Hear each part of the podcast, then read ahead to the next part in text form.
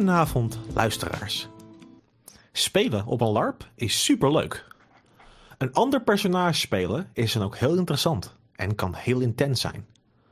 Op Fantasy Court kregen we daarom ook de vraag of we eens een aflevering wilden opnemen rondom het doodgaan van een personage. Vanavond, bij mij aan de tafel, zit ik zelf, Olaf, samen met Kotka, Hoi. Pascal, Hallo. Mark Hallo. En speciaal voor deze aflevering hebben we een gastspreker opgespoord die heel veel ervaring heeft met het onderwerp van vanavond, Remco Dik. Hallo. Voordat Remco zich echter verder gaat voorstellen, willen we eerst even een momentje nemen om alle patrons, donateurs en luisteraars te bedanken. Jullie inzet en jullie ondersteuning zorgt ervoor dat wij door kunnen blijven gaan met deze geweldige podcast en daar zijn we jullie heel dankbaar voor.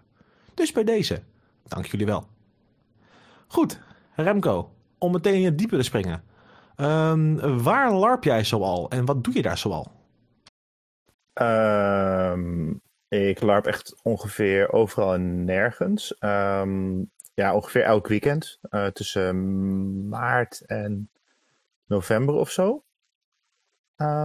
Wel, momenteel doe ik bestuur bij Ravenskeep. Ik ben eigenlijk alles wel een keer geweest. Eh, NPC iets minder vaak. Eh, voor de rest vooral speler. Elk weekend? Hoe hou je dat vol, man? Ehm, niet, maar eh, nee, ja, ik hou er gewoon rekening mee bij met mijn andere, ehm, ja, met mijn andere bezigheden. Een goed voorbeeld is dat ik bij mijn huidige werk heb geregeld dat mijn standaard vrijdag vrijdag is. Dan is dat nooit een probleem eigenlijk. Eh, ja, en voor de rest, eh, ja, ik, ben wel aan het minderen, maar dat lukt niet heel erg, want het is steeds van, oh ja, leuk, nog een evenement erbij en zo. De, eh, niet, hoe bedoel je? Je houdt het niet vol. ik zie het toch wel echt, echt wel elke keer stouter hoor. Ehm, dat is suiker. Ehm, ja, maandag is vooral gewoon zwaar soms. Dat is het vooral. Ja, de, de, de infameuze maandagen naar LARPs. Iedereen is bekend mee. Maar eh, ja, het Ja. dat je er ook achter komt dat er ook geen twintig meer zijn. En je toch aan zo'n weekend denkt, nou, dat extra dagje vrij zou nog fijn zijn eigenlijk. Ja, maar, Maar, dat, eh, dat heb je natuurlijk sowieso wel na een LARP. Zeker. Ehm, Remco, ehm, je hebt het al over gehad net dat je veel speelt. En eigenlijk ieder weekend al weg bent. Nou, ik doe het je zeker niet meer na op mijn leeftijd. Ehm, maar dan heb je waarschijnlijk echt een, een dek aan rollen die je speelt. Eh, wat voor soort rol of wat voor archetype speel je eigenlijk meestal? Ehm, ik heb de neiging naar vooral toverdingen te spelen. Ehm, dat heeft er vooral mee te maken dat ik gewoon eigenlijk niet zo erg imposant fysiek ben. Ik speel meestal niet erg aardige personen. Eh, doe ik niet heel bewust, maar op een of andere manier val ik altijd zo heel snel die glijbaan van corruptie af. Eh, ik probeer de laatste tijd bewust eh, aardige personages te spelen. Ehm, mensen geloven me daar niet heel erg in, maar dat is alleen maar een lo- eh, onderdeel van de lol daarin eigenlijk. Eh, maar ik probeer het gewoon vooral een beetje af. Ja, ik probeer het een beetje af te wisselen de laatste tijd vooral. Van hé, hey, wat heb ik nou nog nooit gespeeld en dan ga ik dat spelen. Ja, zeker. En is ook zeker inderdaad teruggezien eh, voor, voor hen die jou kennen uit een of meerdere LARPs. Je hebt inderdaad een, een duidelijk eh, stereotype. Ehm, heb je momenteel een rol die echt jouw favoriet is als speler? Die je zegt van, dat vind ik echt het fijnste om te spelen. Een specifiek Ehm. personage of... Hmm. Er is wel één, één personage die vooral eh, leuk is omdat hij heel anders is dan het stereotype duisternis die fladdert in de nacht. Dat is een vee die ik ergens speel. Eh, dat is basically ADHD vierjarige die rondstuitert. En ja, dat gaat verrassend goed. Die eh, heeft het ook al een aantal evenementen overleefd, wat ook niet vaak gebeurt bij mij. Ehm, ja, en ik speel nu op, eh, ik speel nu op een één evenement speel ik een, daadwerkelijk een 100% good guy. En dat is echt de allereerste keer dat ik dat heb gedaan. En eh, dat het ook is gelukt voor langer dan vijf minuten. En dat is eigenlijk wel erg, ja, daar, daar, daar geniet ik ook wel van. En vind je dat moeilijk om uit dat eh, patroon te stappen van altijd afzakken naar de bad guy en echt een good guy neerzetten? Eh, ik denk dat vooral heel, ehm, het is voor mij vooral de stap eh, een beetje terugnemen van niet direct voor de zeg maar, oeh, candy. Want heel veel LARP-plot is zo van, hier is het duister, pak het. Het is vet makkelijk om te pakken. En dat dan bewust een paar keer niet te doen. Maar als, je daar eenmaal, als ik er eenmaal in zit, dan gaat het meestal wel heel goed bij mij. Ja, mooi. Ja, het is natuurlijk het is makkelijk om die knop op te zetten en allemaal omgehouden te houden. Is natuurlijk veel moeilijker. Ehm, nou, misschien wel leuk. Je hebt inderdaad, ehm, je, je vertelde ons al voor de opname over hoe jij eh, in LARP terecht bent gekomen. Wat ik persoonlijk een interessante instap vind. Ehm, hoe eh, kun je aan de luisteraar vertellen hoe ben jij echt begonnen met LARP oorspronkelijk? Ehm, nou, ik had, ik had toen ik ongeveer 15, 16 was, had ik een abonnement op de Zo Zit Dat. Dat is eh, een beetje de voorloper van de Quest toen. Ehm, en daar had, zat er iemand in eh, van, jee, dit is een, eh, zo dit is een eh, larpen, dit vind ik leuk. En toen had ik zo tegen mijn moeder, ja, dit vind ik ook leuk. Maar dit was zo voordat, blup, voordat het daadwerkelijk het internet bestond. Dus dat was best wel ingewikkeld. Um, en toen op een gegeven moment had ik bij mijn LARP, bij mijn uh, studentenvereniging, uh, de Bolk in Delft, uh, speelden een aantal mensen bij Arcana. en daar ben ik zo een beetje ingerold. En die deden ook D&D. En dan ontmoet je weer mensen en die zeggen dan, hé, hey, ik heb ook een LARP waar je naartoe moet. En dan zeg je een jaar lang daar ja op. En dan speel je opeens bij 80 LARPs. Um, een beetje zo. Oké, okay, wauw. Ja, het inderdaad. Want ik, uh, want gewoon echt via een artikel erin stromen. is wel iets, denk ik, van een generatie voor van deze. Want je hoort bij de meeste mensen hoor inderdaad dat het scannen via vrienden of iemand heeft gezegd: je moet echt meegaan. Maar jij hebt dus echt via een, een, een artikel uit een tijdschrift gewoon opgepikt. En zo van: oh, oké, okay, ik ga het proberen. Uh, ja, nou, het was, het was uh, voor de duidelijkheid, het was wel vijf jaar later dat ik daadwerkelijk mensen tegenkwam die deden. En toen zei ik zo: oh, cool, hier heb ik wel eens van gehoord. Is dit toevallig LARPing? En hoe kan ik hier aan meedoen? Want hè, ik ging toen een sociaal leven opbouwen wat uit meer bestond dan alleen maar gamen en school. Uh, en uh, ja, daar ben ik zo een beetje uitgekomen. Tof man. En die rol die je bij elkaar speelde, was dat meteen een spelersrol of ben je eerst gaan NPC'en? Um, nee, Arcana die doet uh, een soort van DPC als NPC's. Die schrijven zeg maar een, hele, een heel weekendrol. en die schrijven die uit. En uh, ik denk dat ik daar misschien ook wel een beetje de stereotypen vandaan heb gekregen. Want ik kwam er al vrij snel uit op de shady uh, persoon die up to no good is, zeg maar. Maar dat, dat was zonder dat ik ze echt per se zei van... hé, hey, dit wil ik graag spelen. Maar ze merkte gewoon dat dat heel goed ging als ik dat deed. Um, maar ik denk dat ik daar ook wel van heb geleerd hoe je goed een personage uitwerkt. Want je, ik heb daar zeg maar beter uitgewerkte NPC's gespeeld... dan sommige spelerspersonages van mezelf. Ja, dat, dat, is, dat is tof. En het is fijn dat ze ook om te zien dat uh, dat soort personages goed uitgespeeld worden. Maar wat vind jij op dit moment het, um, het leukste en het raarste aan LARP? Um, ik vind uh, LARP een leuke soort van. Um, ik vind een soort van. Uh, het is een soort van speeltuin om verhalen in kwijt te kunnen. Uh, en vooral de verhalen die ik niet in, bijvoorbeeld als ik aan DM'en ben of aan het, uh, of aan het D&D uh, of tabletoppen ben. Of op een andere manier roleplaying aan doen ben. Um, en ook, ook om een soort van, ja, een soort van sociaal experiment eigenlijk, zeg maar. Want ik heb in LARP wel eens, ja, wel eens bepaalde technieken, gesprekstechnieken geleerd die ik vervolgens bij sollicitatie heb gebruikt.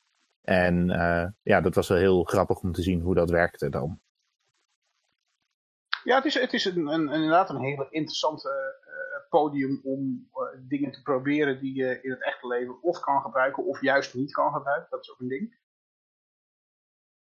En wat vind jij nou het, het raarst aan, um, aan LARP? Um, nou, dat kan wel worden geïllustreerd door een verhaal van uh, iemands anders introductie aan LARP. Dat was namelijk dat hij aanwezig was op een avond en toen zag ze uh, twee mensen elkaar nepbloed in, de, in, de, in het gezicht spugen. En vervolgens een biertje drinken en zeggen: Nou, dan gaan we nu eens even lekker tegen elkaar schreeuwen.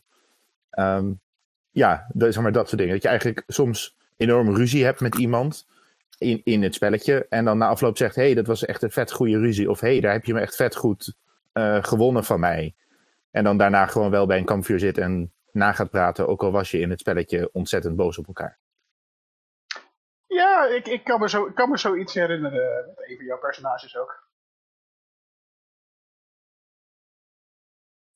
Ene draak of zo, geloof ik. Wat? Ja, ja die, die heb je heel terecht. Dat, dat is, Ah, ik eh, bedankt eh, ehm, voor de, de, de heel uitgebreide antwoorden, Remco. Eh, ik vind het fijn. We hebben nu denk ik wel een, beetje een beeld voor de mensen die jou niet kennen van eh, wat je zoal doet, wat je zoal speelt. Ehm, maar je had het inderdaad al over, het, over de conflicten tussen spelers, de IC en OC scheiding. En dat brengt ons meteen naar het onderwerp van de avond. En dat onderwerp specifiek is character death en player kills. Een onderwerp waar je ongeacht je rol binnen een LARP mee te maken hebt. Spelers gaan er allemaal door. NPC's zien het dagelijks langskomen. En SL's moeten er van de andere kant van het zwaard mee dealen.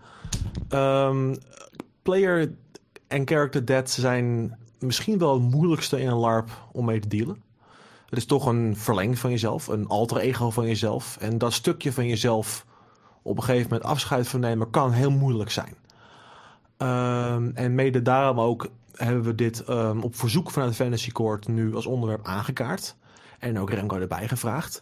Eh, en ik wil daarvoor voor de eerste vraag van echt het onderwerp het woord geven aan Kotka. Nou, we hebben het natuurlijk gehad eh, bij de Fantasy eh, Court Question Answers over de player kills, eh, player death. Hoe ga je ermee om? Hoe ga je om met bleed en noem maar op. We gaan ermee dus beginnen in principe, want dit is best wel een pittig onderwerp. We hebben dat al eens eerder eh, behandeld tijdens het bleed eh, aflevering. Dus in principe gaat het om hoe ga je om met je eerste eh character dood. Want dat is natuurlijk iets wat je hebt nooit meegemaakt. Eh, wat zijn de mogelijkheden en manieren om eh, dat beter te verwerken? Wat gaat je helpen? En natuurlijk ook de psychologische deel ervan. Dat is een beetje mijn ding. Dus Remco, jij bent bij ons de gast. Eh, jij staat nogal bekend om heel vaak doodgaan met je personages. Maar jij bent niet de enige hier. Iedereen van ons heeft waarschijnlijk wel eens de karakter dood meegemaakt. Hoe gaan jullie daarmee om? Nou, dat is een eh, bijzondere vraag. Ehm, die eh, ervaring is volgens mij per persoon heel verschillend. Maar ik zal het eh, proberen het spits af, te bijten. Ehm, ik denk, er is echt een specifiek verschil tussen characters die de ijskast ingegaan zijn. En die term wordt gebruikt voor, personages die allemaal niet permanent op stand-by. En personages die echt doodgaan. Ik denk persoonlijk qua personages die ik in de ijskast gezet heb, ik op 8 of 9 zit. Maar player deaths die ik echt zelf ervaren heb, is het echt eentje. En dat is een, eh, ook meteen het eerste serieuze LARP-personage wat ik ooit gespeeld heb. Dat was een tovenaar bij, ehm bij. Die later af, eh, nou, afgeweken eh, overgestapt is naar necromancie. Ehm, en uiteindelijk, en uiteindelijk door zijn eigen overmoed eh doodgegaan is voor de glorie van zijn god. Ehm, echter, dit was ook in de periode dat ik de overstap maakte van speler naar SL. Dus dit was een DPC-personage tegen de tijd die overleed. En de dood was op een, op een vrij intiem, eh, intieme special. En er was toen een impromptu begrafenisceremonie van bijna mm, dus de gehele spelersgroep van geloof wat ik zelf SL'de.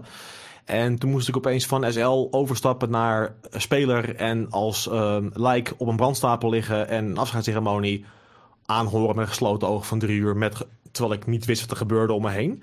En dat heeft wel echt OC een, een impressie aan me achtergelaten. Alleen maar de, het feit dat je alleen maar de stemmen hoort en niet zo goed weet wie en wat. En dan achteraf hoort wat er gebeurd is. Dat, het, het, het- ik denk dat ik het nog makkelijk gehad heb. Gezien ik eigenlijk al SL was, dus het soort van gescript was. Maar het was wel echt. Ja, het, was, het heeft wel echt een me achtergelaten. Nou, bij mij is eh, mijn allereerste personage dood en tot nu toe enige. eh, als speler zijnde dan tenminste. Ook van Ravenskeep geweest, met mijn allereerste karakter ook nog. Eh, zij was doodgegaan op een special. Door een... ehm, het was een domme dood, zoals we het wel eens noemen bij het eh, LARP. Dat is eh, doodgaan door eh, iets wat had eigenlijk kunnen voorgekomen zijn. Eh, genezer die had het eigenlijk te laat doordat, uh, behalve het magisch genezen, kon je natuurlijk voor het verwonding wat ik had ook een verbandje leggen. Ja, helaas was het net voorbij de 10 minuten. Maar de hele groep, mijn personage was een alfa, leider van een groep. Hun geliefde alfa, de moedertje. Zij moederde voor iedereen zo'n beetje. En haar dood heeft een klap gemaakt en het heeft een gat achtergelaten in de hele groep. Zoals wat Olaf had gezegd over het uh, afscheid, een hele begrafenis, een hele uh, ceremonie gehouden ervoor. Zo was het ook voor mijn personage. Uh, zij werd bewaakt eigenlijk door telkens iemand van het groep. Er zat telkens iemand naast, er werd een hele waken gehouden. En dat sleepte zich nog van het special door naar het uh, echte evenement van, het, uh, van de LARP. Waarbij uh, zij werd begraven in het heilige plaats van hun, hun grove, onder het altaar. En er werd aan de godin van de bos, Sylvana, gevraagd om haar ziel, haar geest, haar, hun leider, hun alfa, onderdeel te maken van het altaar en van het grove. Dat is ze geworden, dat is ze nog steeds haar wapens die werden, uh, die worden doorgegeven aan de nieuwe alfa's. Dus zij blijft nog altijd erbij eigenlijk uh, gehaald. Zij wordt nog altijd erbij genoemd. Zij wordt er nog altijd geëerd eigenlijk door het groep. En haar naam gaat ook door in het naam van het wapen. Het is haar dolkje. Haar dolk heeft haar naam gekregen. Dus wel eens hoor ik om mij heen ergens weer die naam als de nieuwe personage van New. En dan heb ik echt een momentje van: shit, ik heb echt een legacy achtergelaten. Ik heb gewoon echt iets achtergelaten. Ik moet wel zeggen, uh, omdat het was waarschijnlijk mijn eerste personage dood, heeft het mij best wel zwaar uh, psychologisch van bleed getroffen. Dat was ook de eerste keer namelijk dat ik had een bleed meegemaakt. Dus dat was best wel een paar uh, pittige maanden voor mij destijds geweest. Ik ben wel blij dat die ceremonie, dat die begrafenis er was omdat voor mij was het een hele fijne afsluiting geweest. Ik kan me een beetje moeilijk voorstellen hoe zo'n afsluiting zou zijn, bijvoorbeeld uh, voor mij, als die begrafenis er niet zou zijn geweest. Maar misschien een van jullie heeft wel zo'n voorbeeld, hoe het voor jullie was. Nou, ik moet zeggen, uh, voor mij is het een, een, een, hele korte lijst. Ik zit namelijk op één. En dat was een personage uh, wat ik speelde, een van mijn eerste personages, Colden.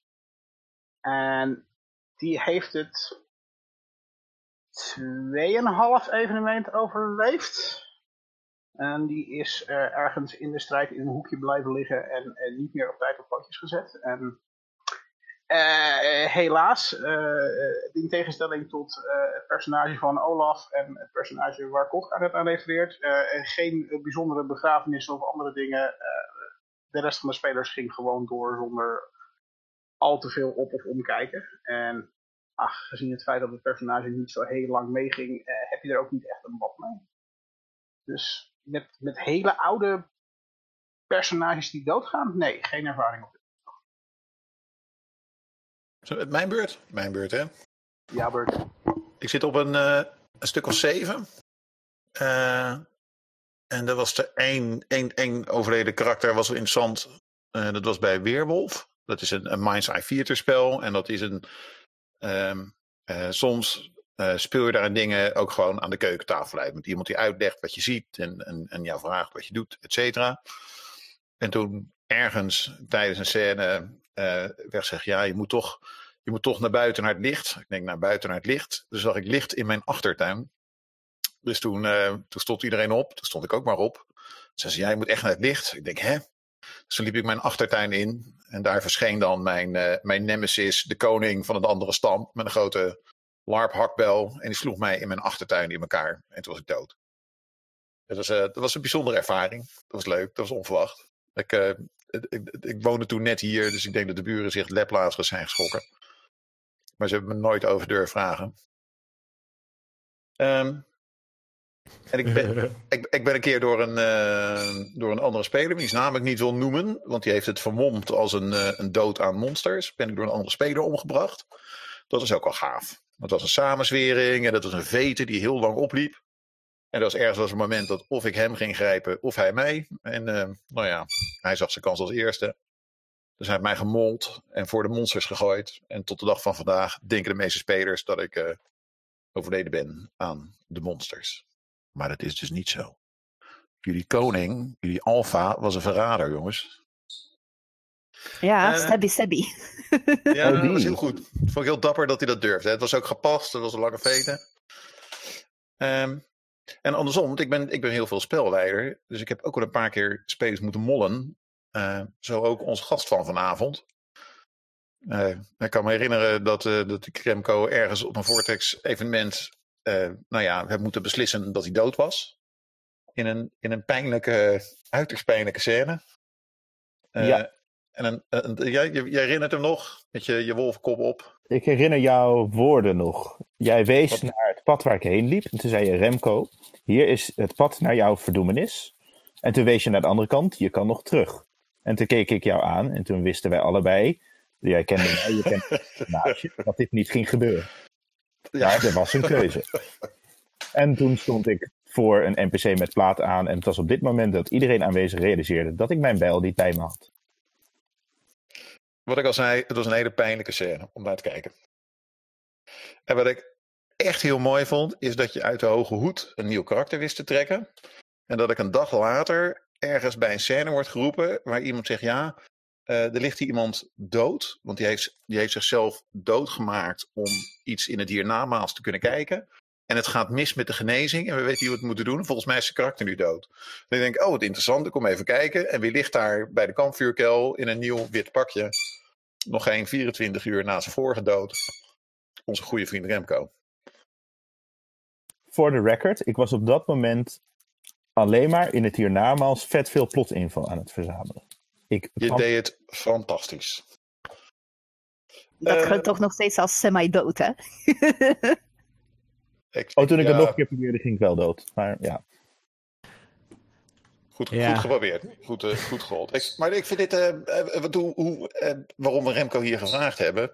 de- hoe, hoeveel karakters ben jij over je LARP-carrière al kwijtgeraakt, Remco? Ehm,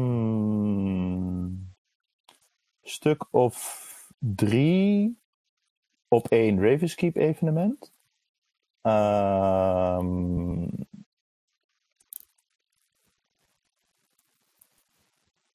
veel. Weet Dat je, laten we het zo zeggen.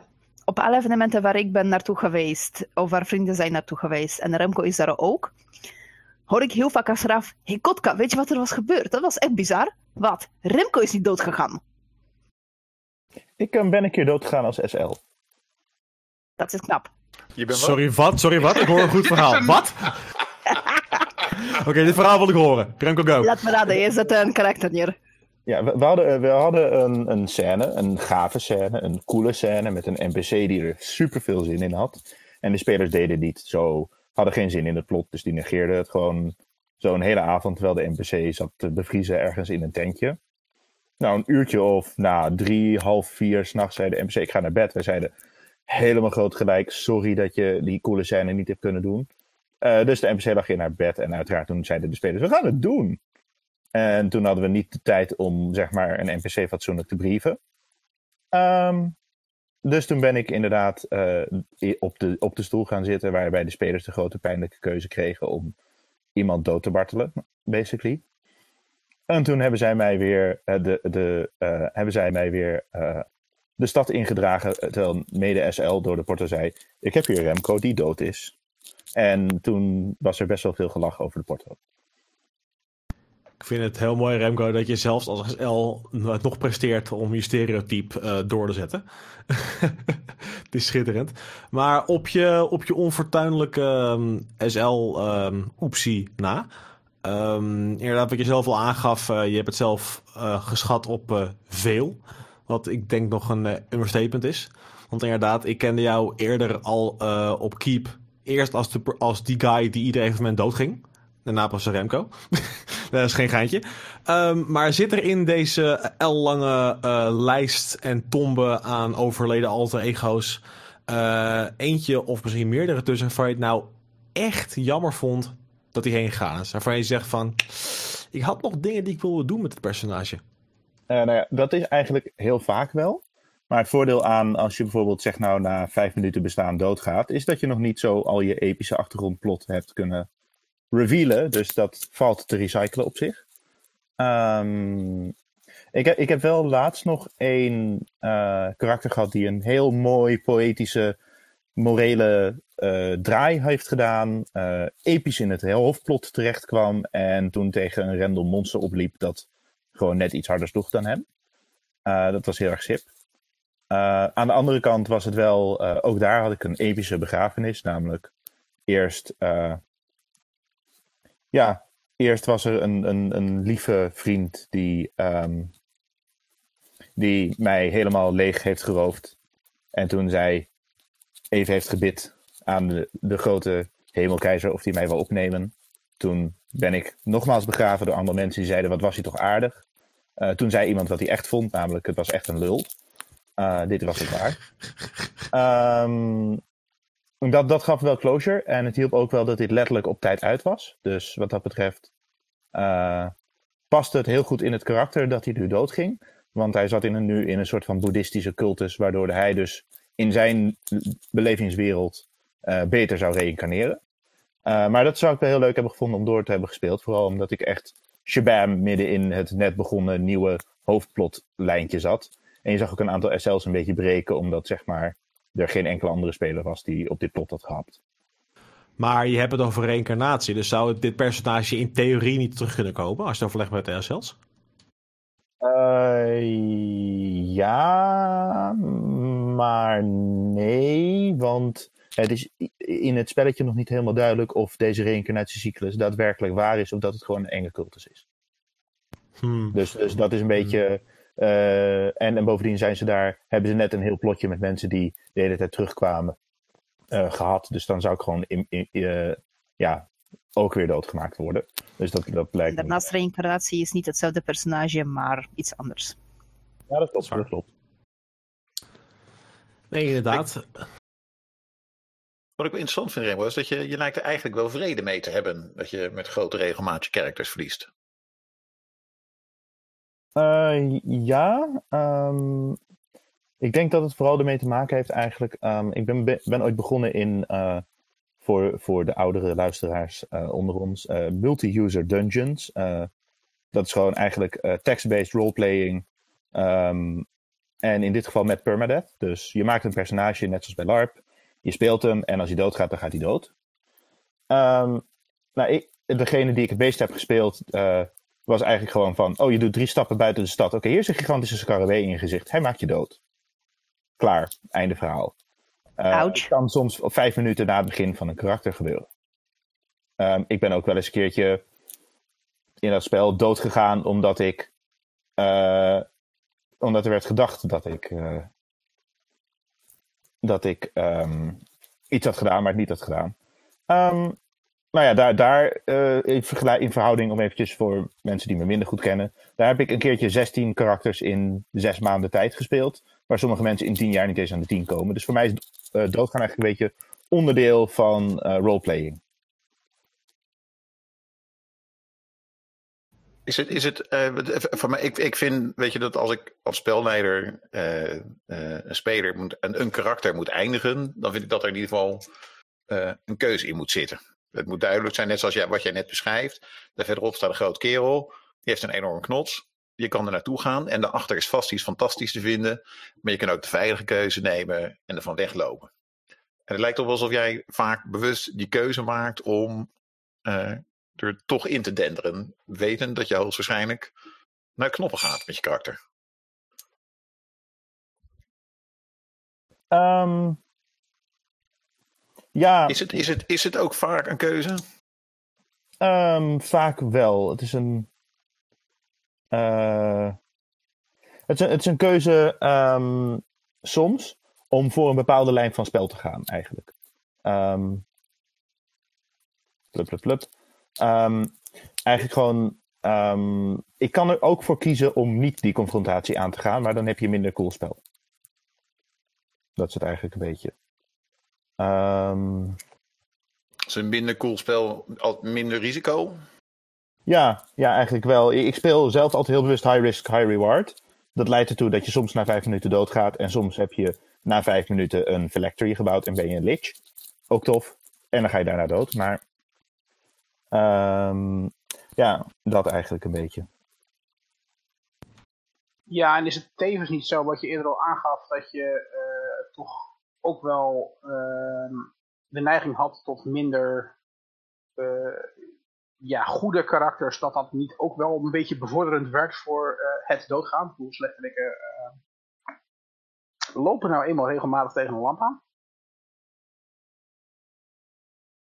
ja, ja ik, geloof dat ook, ik geloof dat het Mark was die dat ooit heeft gezegd. Dat ik heel goed ben in de underdog spelen. Dus zeg maar, jij, jij hebt soms een verliezer nodig om iemand anders een episch winmomentje te laten geven. En ik vind het niet erg om de verliezer te zijn daarin. Maar uh, dat betekent niet dat ik geen lol heb. En ik denk dat dat wel sommige mensen dat meer zouden mogen realiseren in LARP. Dat je niet per se hoeft te winnen om een leuk evenement te hebben, zeg maar.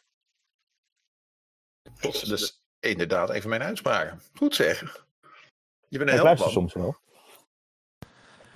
Ja, Remco, ik denk dat je inderdaad een, um, een martyr en een, uh, en een voorstander bent van de spelersbasis in het um, vrede hebben met het over, overlijden van personages. En ik denk dat je daar ook best wel een reputatie op gebouwd hebt. Wat denk ik ook een van de redenen is dat we hierheen gehaald hebben vanavond. Um, wat ons ook een beetje inleidt naar de volgende vraag. je bent een self-proclaimed en community-proclaimed expert op het gebied van uh, player, uh, player kills. Um, maar niet alle player kills zijn natuurlijk gepland. Het kan heel goed voorkomen dat je midden in een veldslag of in een van mijn slechter dag ritueel opeens compleet uh, ongepland je personage kwijtraakt. Nou is natuurlijk het credo wat de hoop SL's roepen is neem altijd een backup personage mee. Zeker niet zomaar iets wat geschreeuwd wordt. Dat is exact daarom. Uh, LARPen is en blijft natuurlijk een gevaarlijke hobby. Uh, IC natuurlijk. En in een wereld waar vuurballen, zombies, demonen en mogelijk wereldveroberende rifts in reality rondlopen, is het toch wel eens mogelijk dat je per ongeluk ergens inkomt en komt te overlijden. Um, en het is natuurlijk heel sip als je na de zaterdagmorgen zit met: Oh, ik heb niks te doen, want ik wil niet NPC'en. Um, Remco, heb jij als residential expert tips voor onze luisteraars om hoe je daarmee omgaat, mocht je opeens halverwege een evenement komen te overlijden? Um, ongepland is moeilijk. Um, ik neem altijd twee tot drie backup personages bij me. Hangt een beetje vanaf hoeveel, hoe ik ben. Als ik met de trein ben bijvoorbeeld, neem ik minder mee. Maar meestal ben ik met de auto. En dan neem ik soms gewoon... Ik heb wel een keertje naar een Ravenskeep evenement gewoon mijn hele LARP meegenomen. Um, en de reden daarvoor was gewoon omdat ik niet zeker wist of ik dood zou gaan. Uh, ik wist wel dat ik iets speelde, want uh, dat doe ik vaker. High risk, high reward. Zoals ik al eerder zei. Um, nou, ik had me in dit geval aangesloten bij de vijand. Uh, het was op Ravenskeep. en ja, um, ik wist gewoon op een gegeven moment gaat het ploffen. Um, en ik weet dat het soms heel hard kan gaan. Dus aan de andere kant is het ook wel juist fijn om een backup personage bij je te hebben. gewoon van tevoren iets leuks te verzinnen. Van, hey, wat wil je gaan spelen? en dat geeft, geeft mij in, althans ook een beetje meer de vrijheid om te spelen zonder van, oh nee, straks ga ik dood en heb ik niks te doen. Um, nadeel is wel dat er een bepaald punt komt waarop ik een overlap krijg in kostuums, omdat ik gewoon, ja, uh, als ik eenmaal 16 keer dood ben gegaan in een spannen van drie maanden, dan ga ik niet nog een rope kopen, want er is op een gegeven moment een punt waarop je zegt, ik heb niet meer ropes nodig in mijn leven, zeg maar. Um, maar mensen snappen dat ook wel, want die weten ook wel van, oké, je hebt dit personage letterlijk drie uur gespeeld. Uh, je gaat niet het hele pakje weggooien of zo. Uh, dus dat is wel een beetje. Ja. En tenslotte, een personage is in mijn optiek driekwart wat je ermee neerzet en maar een kwartje kostuum. Want ik heb jou met de meest simpele kostuums de meest idiote, memorabele personage neerste. ja, ja, dat is inderdaad wel, wel, wel een ding. maar dat, daar ben ik ook heel erg van. Want los van het feit dat ik gewoon niet zo goed ben in kleren maken. Um, heb ik ook gewoon niet per se het geld om drie keer per evenement een hele nieuwe wardrobe te kopen. En dat zou ook niet per se de insteek moeten zijn van dat je altijd alleen maar een LARP personage mag spelen als je 10.000 euro uitgeeft. Wat ik trouwens af en toe wel doe als ik langer leef hoor, maar ja. Ja, maar dan heb je een betere reden. Uh, nou heb ik dan eigenlijk wel een vraagje, want je staat wel bekend als iemand die heeft uh, vrede maar, met als je karakters doodgaan. En uh, ja, waarschijnlijk vanwege ervaring van je gaat, jouw personages gaan vaak dood, wat dan ook. High risk, high reward, maar een snelle dood. Maar heb je hierdoor niet het idee dat je misschien minder geeft om je karakters? Dat uh, je te makkelijk een karakter afdoet? Dat je uh, geen connectie met de karakter bouwt, om het zo te zeggen? Uh, ja, dat vind ik wel een goed, goed punt. Um, ik denk dat het deels waar, waar wel een beetje waar is. Want inderdaad, wat ik al zei, van ja, op een gegeven moment dan heb ik geen zin om 1000 euro uit te geven aan een nieuw outfit. Um, maar ik merk wel dat uh, als ik voorbij een bepaald punt ben, dat ik zeg altijd, ik leef met mijn LARP-personages of zeven minuten of zeven jaar. En toevallig zijn er weinig evenementen waar ik zeven jaar leef. En toevallig zijn dat meestal evenementen waar de mensen die mij kennen als zeven minuten poppetjes niet komen. Misschien een overlap. Maar hè. Um, um, ja, en dan, dan komt er wel een punt waarop ik heb zoiets van: oké, ik heb nu voorbij dat punt dat ik denk van ik kan elk moment omvallen, want ik ben weer met domme dingen bezig. Um, dan, dan, dan wil ik best investeren in een personage. Dat heb ik nu op Ravenskeep gedaan. Um, ik heb dat nu op, uh, op Vortex gedaan, want daar heb ik nu na jarenlang een lemming geweest te zijn uh, ook een punt bereikt waar ik denk van, nou, misschien overleef ik komend evenement wel weer eens. Um, ja, en dat is eigenlijk wel uh, een ding. Maar ik, ik heb ook wel personages waar ik wel echt van baalde van dat ze dood gingen. Um, en sommige daarvan, ook bijvoorbeeld eentje bij Weerwolf was dat. Die is toen uh, doodgegaan omdat een NPC dacht van... Ha, ik ga uh, iets, meer, iets meer schade doen. Alleen niet wist dat ik al schade was. En toen werd ik een beetje net zoals Pascal vertelde, vergeten in een hoekje. Um, ja, ja. Le, uh, ja, lemming inderdaad um, is een beetje voor degene die de term niet kennen. Um, een lemming is een beestje wat als er eentje volgt, dan springen ze met z'n allen van de klif af. Uh, het volgt elkaar en dat is in LARP wordt wel eens gebruikt als term uh, voor mensen zoals ik. Um, die dus uh, op eerst in alle gevaren induiken zonder verder over na te denken. En zoals nu het nadenken gaat nog steeds ervoor. Basically. Ja, ja uh, het is inderdaad wel een term van, uh, niet alleen LARP, het is over het algemeen gewoon een term voor domme dingen doen zonder na te denken en daardoor gewoon doodgaan. Overigens, het is niet zo zoals het wordt beweerd over lemmings in natuur. Geweldig, want het, het, uh, het, thema van de aflevering was natuurlijk uh, character devs en tips en hoe daarmee om te gaan. En, uh, maar ik, ik, ik Remco, je had al een paar keer aan, wat was het? High risk brings high rewards. Ik denk dat een significant deel van mensen op LARPs zich in een spelletje laten tegenhouden. Of omdat ze zich een beetje schamen, omdat ze bang zijn om hoofdrol te pakken. Of omdat ze bang zijn om een poppetje kwijt te raken. en ik denk dat jij van beide geen last hebt. En voor mijn gevoel maak jij een stuk meer mee dan uh, de mensen die wel bang zijn om een popje kwijt te raken. Beaam je dat? Um, ja. Um, ik denk ook wel trouwens, een popular opinion hier, dat ik ook wel eerlijker speel dan sommige mensen die bang zijn om een personage kwijt te raken. Um, in de zin van, ik heb wel eens een personage verloren omdat ik gewoon netjes 10 minuten uittelde. En zo'n spelleider zei van, oh, je ligt hier pas vijf minuten. Ik zo, nee, ik lig hier al een kwartier. Um, ja, dat is, uh, dat is denk ik onderdeel van wat ik al zei van, ik, ik, ik ben roleplaying begonnen in een setting waar je elke vijf minuten een nieuw poppetje maakt. Um, ja. Um, dus wat dat betreft, ja, ik, ik maak wel heel veel meer mee. Ik heb wel eens gehoord dat iemand bijvoorbeeld een jaar bezig was met iets wat ik gewoon deed omdat die persoon te hard bezig was met te voorkomen dat zijn personage eraan doodging. En ja, dat personage is toen aan het einde van het evenement om ongerelateerde redenen doodgegaan. Maar ik had het wel bereikt. En ja, dat was wel leuk. Dus ik denk, ik denk deels wel, maar aan de andere kant ik ook wel het stukje langdurige relaties opbouwen soms mis met bepaalde personages. Uh, omdat ik vaak doodga. En dan is het op een gegeven moment ook wel van ja, dan kunnen we wel weer vetgevoelig vrienden worden, maar over vijf minuten ligt toch weer in die greppel daar dood te gaan. Ja, je, houdt zeg maar echt die afstand gewoon ook een beetje, waardoor uh, misschien, tenminste naar mijn idee, uh, kan het zo zijn dat je misschien de, de, de connecties wat mist, of misschien dat een andere speler kan een connectie met jouw personage ook missen. Uh, ja, ja, ik heb ook wel de andere kant gemerkt toen ik laatst een personage had die en net iets te hard dicht op mezelf lag. En net iets te hard met dezelfde problematiek aan het spelen was als ik zelf in het echte leven. Um, Eh, ja, die leefde wat langer. En ik merkte dat het daar wel wat moeilijker was om eh, door te pakken nadat ik dood was. Maar het was ook een heel intens, eh, het was een heel emotioneel karakter die speelde in, in de Weerwolf-setting die Mark eerder al aannoemde. Eh nou ja, dat heet World of Darkness en dat is voor een reden, want eigenlijk gewoon alles wat er gebeurde in dit karakter zijn leven leidde naar een neerwaartse spiraal van narigheid. En uiteindelijk is die ook gewoon heel erg naar en door zijn vrienden neergestoken en het was alleen maar terecht, zeg maar. Dus dat, dat, was wel, daar merkte ik wel van hier, hier zit ik heel stuk meer emotioneel in, in dit karakter. Ehm, eigenlijk. Ja,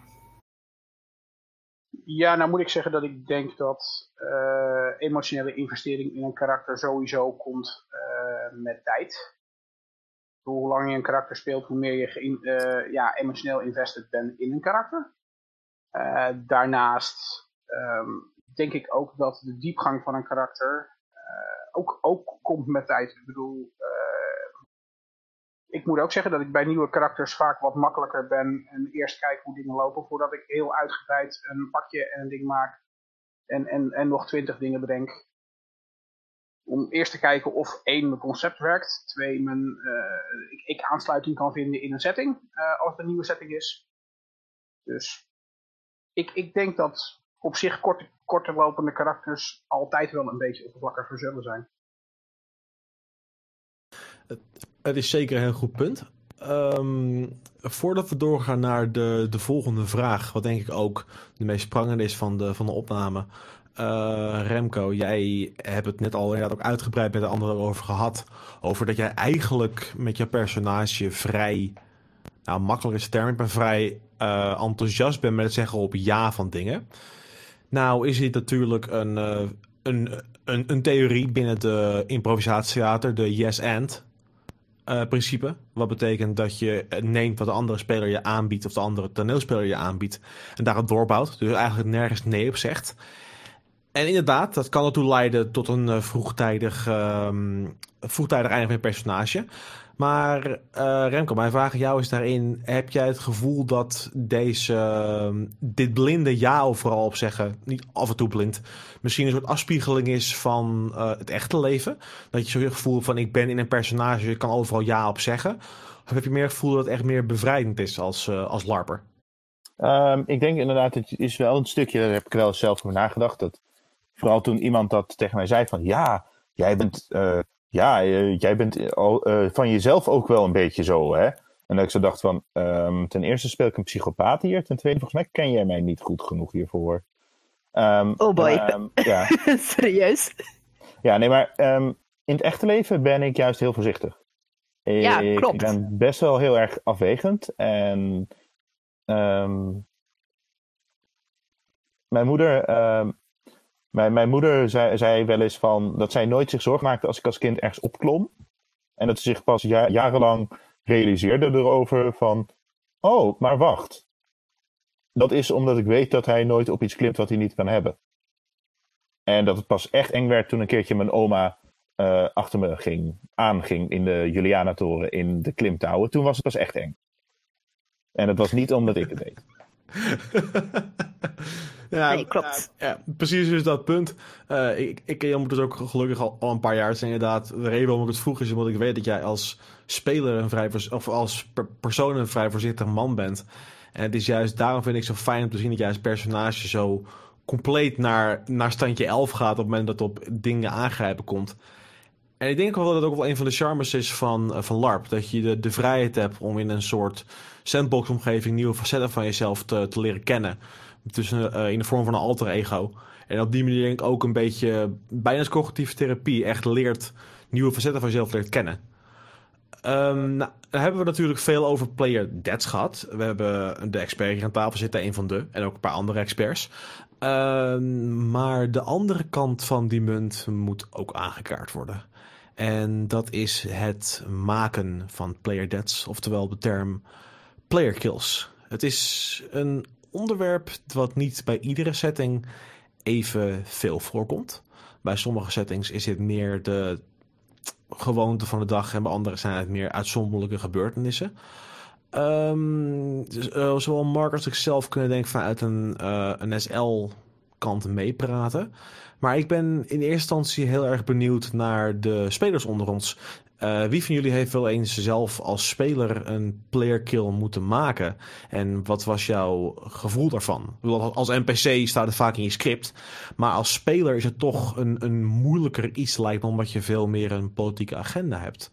Is er iemand die dat als speler heeft moeten doen in zijn carrière? Ja. Ja. Nou, ik zou zeggen, dames eerst. Kotka, vertel eens. Um, het moeten. Uh, in overtuiging van mijn personage, ja, dat moest. dat was namelijk uh, tegenover wat ondertussen is een hele goede vriend van mij, Vincent de Vries. Die speelde een, uh, even kijken, geloof een priester uh, van Mortos. Toen speelde ik nog met mijn geliefde Alpha bij Sylvana. En die twee kanten, die lagen niet zo goed met elkaar.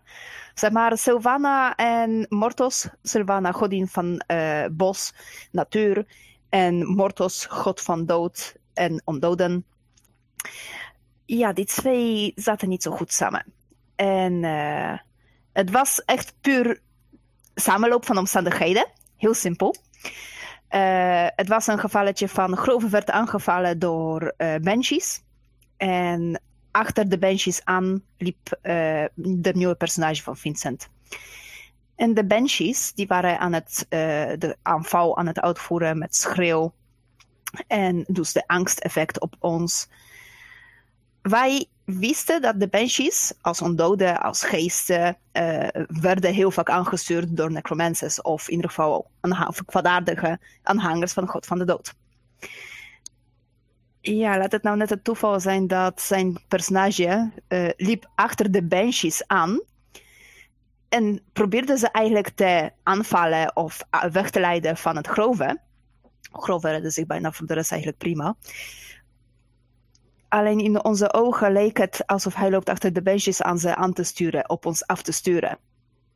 Naast nou hebben afgerekend met de benches, keken de alfa's elkaar aan, samen met wat andere krijgers van de grove, trekken onze wapens aan en we aanvallen de priester van God van de dood. Waarom? hey, hij roept in openbaar, Paul echt in ons hoor en zicht, in de naam van Mortos. Ja, dan kan je niet meer verbergen wie je dient. Dat was snelle werk. Vervolgens was het lichaam uh, gedumpt in bosjes. Onder het nom van, daar gaan we later mee afrekenen of iets doen of begraven. Dat verhaaltje kreeg een staartje. Ja, de player kill. Dat is één ding. Tweede ding, die personage kwam terug als een PC later. En die had de grove bijna, nou ja, afgemaakt. Want eh, de spelleiding had een leuke idee voor een leuke plotje.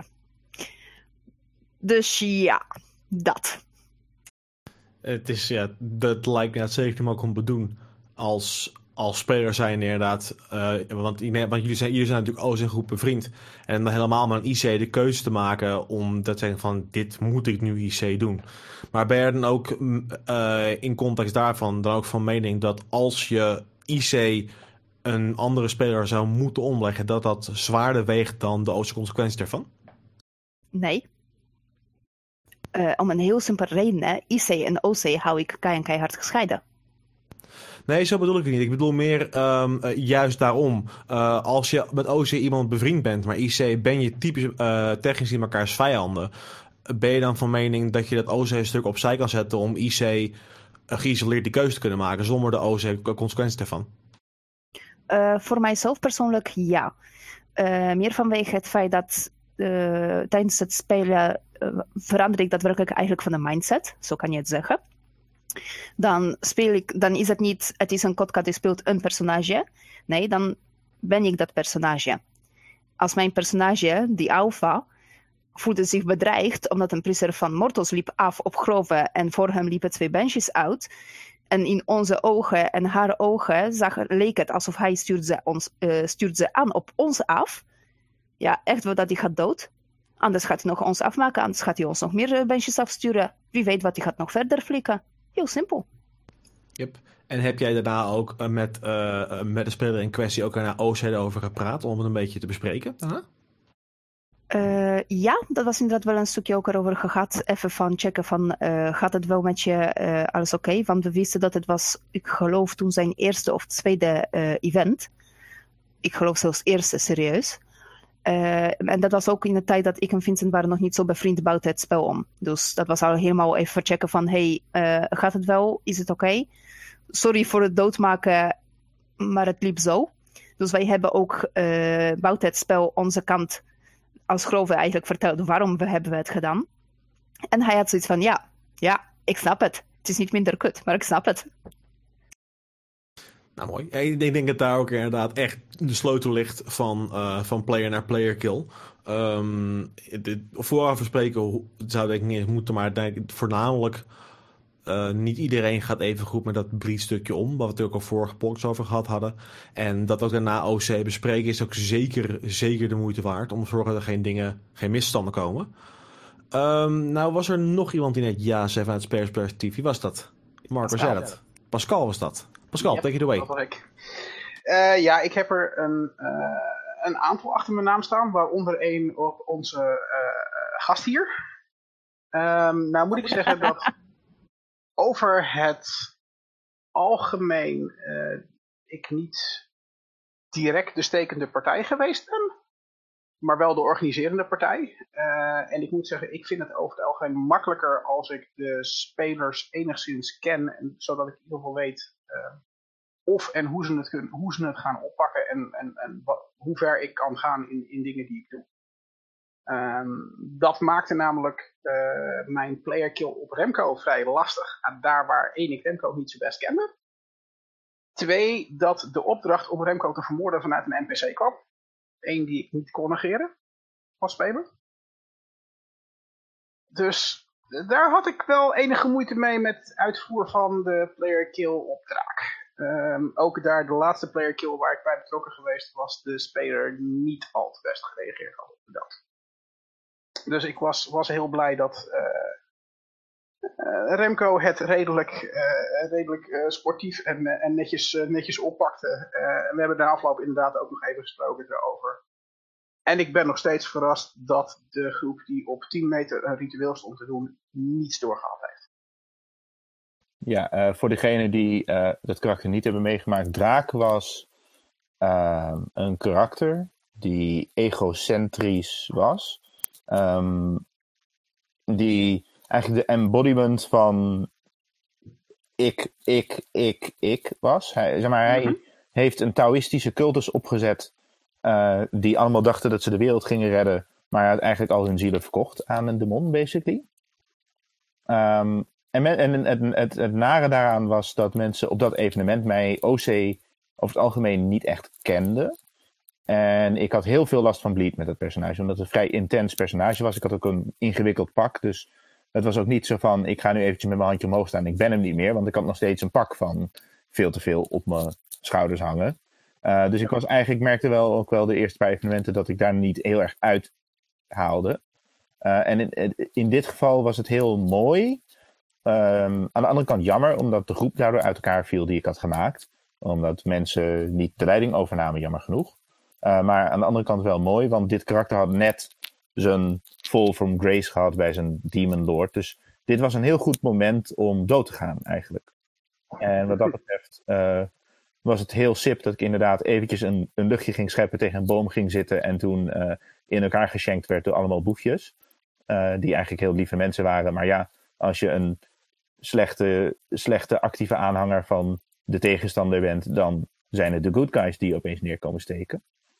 Um, dus wat dat betreft had ik daar heel erg vrede mee. Um, ja, uh, en, en dat is weer zo'n voorbeeld van, ja, dit klopte in het verhaal, dus dan vind ik het prima. En nee, ik had hier in dit geval geen keuze. Maar dit was wel een, een, een, een dit karakter had van het begin af aan keuzes ge gemaakt die hierheen gingen. Ik had ook kunnen, zeg maar, ik had ook kunnen kiezen om daadwerkelijk die Taoïstische cultus te gaan spelen in plaats van, maar verrassing, we zijn allemaal demonenaanhangers. Ja, ja, absoluut. Maar het, het, het, was, het was voor mij, uh, voor mij best een hele lastige, omdat ik juist vanuit een NPC uh, wat dat betreft de opdracht kreeg om jou af te maken. En, en ik ben niet zo moeilijk met eh, eh, DPC's, NPC's en dergelijke afmaken. Ik bedoel, daar zitten mensen toch vaak wat anders in. Uh, dit pak wat jij beschrijft was inderdaad, is best een investering. Dus ook dat is zo'n ding waarbij je dan toch wel even zoiets hebt van, eh, ik hoop dat dit goed komt. Dus ik was, ik was heel blij dat we achteraf uh, daar, dat er daar een goede reactie op kwam. En uh, dat het voor jou ook een, een mooi einde was voor je personage. Nou ja, het lijkt me best wel lastig om uh, van tevoren een player kill te kunnen bespreken met de speler in kwestie, zeg maar. Tenzij het gaat natuurlijk om een uh, character exit. Want dat heb je er ook nog natuurlijk. Zeker, zeker. Een, een character death hoeft niet al wat impromptu te zijn. En sterker nog, ik denk dat ik weet wie jij heen het verwijzen bent, Kotka. Uh, soms zijn player deaths een, een, ook een heel mooi iets. En zeker van player naar player, wat echt een nieuwe laag aan spel kan geven. En in context een heel waardig einde kan zijn voor je personage. En juist dan is het van de voorbeeld dat je het inplant. Uh, refereer jij toevallig naar een evenement waar je over een paar weken heen gaat? Kotka? Nee. Okay. Nee, over het algemeen is het, uh, zeg maar, ik heb de character exit meegemaakt, uh, zowel als een speler en als een NPC. Waar heb ik eigenlijk bij uh, beide geholpen. En uh, character exit is natuurlijk wat anders in beleving, want dat is geen player kill, het is geen character death. Dus je gaat daar anders mee om, psychologisch om het zo te zeggen, op zijn minst. Dus ik, zo, uit nieuwsgierigheid, Remco, hoeveel character exits heb jij gedaan, waarbij jouw personage was niet doodgegaan? Eentje. En dat was een hele lieve van de spelleiding, want ik was vrijdag was een beetje moe. En toen heb ik zo per ongeluk aan de lokale inquisitie verklapt dat ik bij het Ketterse geloof waarop de doodstraf stond zat. Uh, ik overspeelde mijn hand. Ik dacht dat zij in de pocket waren van ons geloof. How wrong I was. Um, dit kracht had heel veel moeite gedaan om bij dit geloof van de god van de magie en ambitie te komen. En hij zat al jarenlang te klooien met een groepering die wou dat hij bij hun kwam, maar dan moest je wel een demonencontract tekenen. Um, dus um, nou ja, hij uh, verklapt zichzelf en hij krijgt tot zonsopgang om te bekeren. Nou ja, ik had zoiets van, ja, uh, ik heb hier 3,5 jaar naar dit geloof toe uh, gespeeld. Natuurlijk gaat het karakter niet, niet bekeren. en toen heeft de spelleiding die de mond naar me toe gestuurd. Die zei, hey, jij bent eigenlijk wel heel gaaf. Um, wil jij misschien bij mij komen en dan hoef je je ziel niet te verkopen. En dat was voor mijn karakter een te mooi moment om nee te zeggen. En um, ja, um, daar heeft eigenlijk um, de spelleiding toen ook op gezegd tegen mij: als je dit gaat doen, dan ben je dood. Dan, dan ben je weg. En toen uh, zei ik: Oké, is goed. Nou ik dacht dat ik stiekem weg ging teleporteren. Ik had niet de bouwlamp en twee moeilijke runegolem pakken. En luid scanderend mijn naam. En de inquisitie die door het lint ging. En ik die nog even mijn hoedje kon afdoen. En zei: uh, Ik wil de inquisitie van harte bedanken. Um, zonder jullie had ik dit nooit gedaan en val me eigenlijk allemaal dood. En toen teleporteerden mijn vrienden mij weg net op tijd voordat de Inquisitie mij neerbliksemde. Um, dus zo. Cool. Dat was inderdaad wel mooi dan. Ik heb, uh, uh, nou ja, in relatie tot onze gast. Ik, ehm, het zou kunnen zijn dat hij met het laatste Vortex-evenement per ongeluk op mijn dolk is gelopen. Uh, op je broek gelopen. ja, ja. Die fell down the stairs. maar Mark, dat ik heb maar geen player kill trouwens. Maar... Een, een keer of vier, denk ik, Remco, toch? Je was ja. onvoorzichtig, hè? Ja, nee, nee. Vooral je deed het één keer en toen lachte mijn personage je uit. Want ik had inmiddels gave powers waardoor ik dat kon hebben. Dus dan deed je het nog een keer. Toen viel ik wel. overmoedig, overmoedig.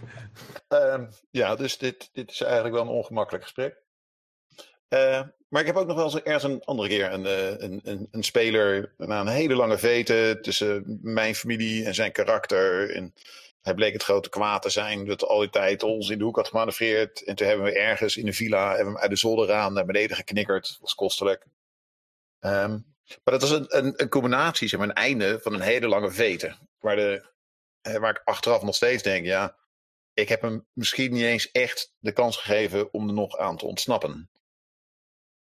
En ik hoorde ook een, een paar keer dingen aanhalen. Dan denk ik, ja, Weet je wat, wat, wat, wat ik ben niet helemaal eens met hoe Kotka speelt. Of ik speel anders, moet ik dan eigenlijk zeggen. Ja, Dat, dat ik vreselijk hard metagame. Dat ik dan denk, ja, ik heb een lekkere rel met een speler. Ik ga hem niet doodmaken. Weet je, die jongen die heeft een, een, een pak van 500 euro. En als ik hem doodsteek, dan is die rel voorbij. Dan, ja, dan is er geen spelletje meer. da- da- daar ga ik definitief anders mee om, ja. Dus ik, ik, ik, vind het, ik vind het fantastisch om te rollenbollen met spelers. En ik vind het vreselijk als er uiteindelijk één doodgaat. Want dan is het spelletje stuk. Klopt. Maar eh, ja, mijn insteek wat betreft eh, character deaths, player kills, ehm, is eigenlijk heel simpel. En dat heb ik een beetje meegekregen van de veteranen van Ravenskip. Wil je niet dat je personage doodgaat? Ga dan niet larpen. Heel simpel. De personage gaat echt wel op een bepaald moment dood. Daar kan je heel weinig aan doen. Ja, je kan proberen heel veel aan doen, maar eh. Ja, het is, wel- ik ben twee keer een racekeep geweest. Ik ben twee keer keihard dood gegaan ook, inderdaad. Nice. Ja, ik larp eh, bij Ravenskip even kijken, nieuw. Zes jaar, zeven jaar, bijna acht jaar of zoiets, denk ik. En tot nu toe heb ik maar één player kill gedaan en ben ik zelf maar één keer doodgegaan met mijn personage. So, yeah. Ja, over, En- over ja. rellen eh, heb ik ook wel eentje, inderdaad. En, eh, ik had een situatie waarin ik een personage speelde wiens doel was bepaalde. Ik ga het even heel vaag houden, want het is nog lopend plot. Ehm plup. Ehm, er was een, een, een personage die letterlijk. eh, laat, laat, laten we het even zeggen. Ik was de politie. Die, dit, deze persoon was de boef. Ehm, ik heb toen met subtiele hints die persoon laten denken dat ik eh, bij, bij het geheime, eh, geheime foute mensenclubje zat. Toen heeft die persoon keihard verteld dat hij erbij zat. Toen heb ik drie keer gezegd, tien keer gezegd. Je weet dat ze ons hiervoor gaan doodmaken, hè? Je weet dat er hier de doodstraf op zit, hè? Hè? Hè? En toen moest ik vroeger weg in een evenement. Dus toen ben ik. Hm? Ehm, de climax. nou ja, toen heb ik met de SL overlegd, want ik vond het heel leem om iemand knijterhard bij tijd in neer te steken. Want dat is echt heel erg kut als je geen backup bij je hebt. Ehm, nou, eh, ik probeer altijd een andere optie te laten eigenlijk bij, de, bij een speler dood. En zo ook hier. Ehm, op een gegeven moment hebben wij, heb, had ik door een goede samenloop van omstandigheden eh, de McGuffin van de boevenclub in mijn handen. Dus toen zei ik tegen deze persoon, kom jij even mee met mij en mijn vrienden, je kan ze wel vertrouwen hoor, knipoog, knipoog, naar deze donkere kelder mee. En die is toen meegegaan en toen hebben we daar gezeten en toen was het zo, verrassing, ik ben toch niet jouw vriendje. En toen hebben we heel hard eh, eigenlijk een soort van nare indoctrinatiescène gedaan waarin we deze persoon eh, eigenlijk de, de kans gaven om alles wat die persoon IC was eh, eh, weg te gooien en in, nooit meer over, te spreken. En nu gewoon heel netjes in het malletje wat hoort van deze hele nare, vervelende politieman die ik speelde, zat. Ehm, en dan mocht je het leven. En ik gaf haar toen ook in, in IC een, de keuze. Ik kan ook je doodmaken, dan is het probleem ook opgelost. Ehm, en dit gaf een veel leuker spel dan de IC-logische. Oké, weet je, ik steek je gewoon dood hiervoor. Want dat, is ook, dat zou ook logisch zijn geweest. Dat zou, zou ik IC mee weg zijn gekomen. Eh, speler in kwestie kende ik niet, maar achteraf hoorde ik die zou er ook oké mee zijn geweest. Ehm, maar nu hebben we nog steeds een heel leuk spel daarin, omdat we nog steeds van elkaar niet helemaal de intenties weten. Zeg maar, ik weet ook wel dat deze persoon niet daadwerkelijk in het lieve malletje zit, maar ik weet ook niet of die er buiten zit. En dat is nu het spelletje. En nu is het zo'n ik weet dat jij weet dat ik weet dat jij weet spelletje. En daardoor, ja, het kan eindigen in een player kill wederzijds. Maar wanneer, dat, is, dat wordt heel spannend. En of. Ik, Ik heb eh, dus heb een inderdaad- vermoeden dat ik weet waar je refereert. Dit, eh, ik eh, hou mijn ogen open. Je, je, je, ja, ja, ja. De, de het ik weet, jij weet, ik weet, jij weet spelletje is volgens mij een bekende bij de meesten. Helemaal als je wat langere speler doorloopt. Ehm, een, een perspectief wat daar denk ik een beetje haaks op staat, is de, degene eigenlijk de, de olifant in de kamer. En de groep spelers, eh, eh, of spelers is niet echt het woord, NPC's in het geval het woord, die vaak toch vaak als werktuig gebruikt worden, zowel spelers als SL's. voor player eh, kills te maken. Ehm, de, meeste player kills zullen toch denk ik in combat gebeuren tijdens, eh, tijdens battles of tijdens ambushes. Ehm, is er hier rond deze groep aanwezig die wel eens als NPC een player kill heeft moeten maken zelfs? Waarbij die achteraf zoiets had van, "Eh, ik weet niet of dit helemaal de bedoeling was. Of juist wel. Nou, ik speel als NPC. Iemand anders nog van ons ook als NPC? Pascal? Eh, ik, ik ben een NPC voor, voor maar echt eh, player kills als must? Nee. Een doelwit om op af te gaan? Ja. Oké. Ik heb zelf ook een NPC-stukje, maar ik zou zeggen, Pascal, take it away. Ehm, nou, ik moet, ik moet zeggen, ik, ik heb als NPC eh, best wel eh, spelers op mijn lijstje gehad van, hey, deze wil je hebben, hier, wil- deze wil je het lastig maken, hier wil je, eh, hier, hier wil je wat mee, hier wil je eh, het zij woorden mee, dan wel op de vuist mee. Eh, hoe, hoe meer het escaleert, hoe beter eigenlijk. Eh, die, die, die principes ken ik wel. Ehm, maar ik ken geen situatie waarbij spelleiding echt gevraagd heeft om ehm, daadwerkelijk een player kill te maken. Tevens zou ik dat ook eerlijk gezegd een beetje jammer vinden. Als je als spelleiding daadwerkelijk je NPC's op een speler moet gaan zetten om dood te maken. Ik denk dat je dan een situatie gecreëerd hebt die niet wenselijk is voor jezelf. Dit is een eh, heel goed punt, Pascal. En dit is ook inderdaad waar ik op het aanhaken, niet zozeer vanuit eh, NPC, maar vanuit algemeen perspectief. Eh, ik denk dat dit een fenomeen is wat voornamelijk zal plaatsvinden bij LARPs, waar het, het, het principe power creep een ding begint te worden. Dat je op een gegeven moment inderdaad spelers hebt die zo sterk beginnen te worden dat ze eigenlijk niet meer dood te maken zijn door spelers of door random monsters. En dan inderdaad doelgericht hitmen moet gaan uitsturen om ze überhaupt dood te kunnen krijgen. Ja, klopt. Dat is een plotje wat heb ik meegemaakt als een PC zijnde bij Boeia destijds. Eh, ik heb tenminste niet de eh, player kill gemaakt, maar die is er wel geweest. Reden daarvoor was namelijk ehm, spelers waren een langere tijd bepaalde groep aan het uitdagen. En escalatie, escalatie, escalatie. Het ging maar hoger op, het ging maar beter, het ging maar erger. Dus op een bepaald moment ehm, kwam er in de NPC-hok een mooie bord met allemaal namen erop. Dan sta je daar aangekomen net op het terrein, je kijkt naar het bord en je hebt zoiets van, hè, wat is dit? Dit is onze player kill list. Oftewel, goh, hebben jullie Deadpool gezien? Ja. Nou, dit is de Deadpool van het evenement. Check. Dus personen die daarop staan, doodgaan, kapot maken, eh, erop jagen. Die specifieke personages moeten eigenlijk een beetje gebroken worden, deze evenement. Oké, dat kwam niet om eh, personages ja, kleiner maken, nerven of wat dan ook. Nee, dit was allemaal wel plot gerelateerd geweest. Het punt daarvan was namelijk, eh, die personages hebben gewoon dingen geflikt dat niet konden. IC, in karakter, in het spel, die hebben gewoon dingen echt gedaan dat, oef, die, die, die specifieke groep zou echt niet gaan pikken. Dus ja, die werden gewoon teruggepakt, kei en keihard. Ja, en als die personage, als die karakter, die speler nou doodgaat erbij, ja maar joh, moest je maar je mond houden. Moest je maar niet, ja, in opstand komen. Moest je maar beleefder zijn. Dus dat, dat is de ene kant wat ik ken. Ik herinner me overigens dat ik heb eh, als speler ook nog andere player kills op eh, mijn geweten. Dat eh, was een plotje wat ik was deels vergeten. Je had het net over ehm, personages doodmaken, omdat er wordt gezegd, die moeten dood. Als speler zijnde heb ik een plotje meegemaakt waarbij, wat het was, een arena. En zes spelers in, drie spelers eruit. En Hey, was waren dus... bij. Ja, dat weet ik.